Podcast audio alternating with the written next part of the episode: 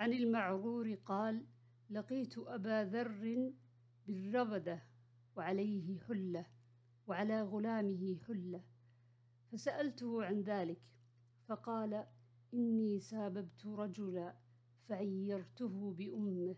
فقال لي النبي صلى الله عليه وسلم يا أبا ذر أعيرته بأمه؟ إنك امرؤ فيك جاهلية.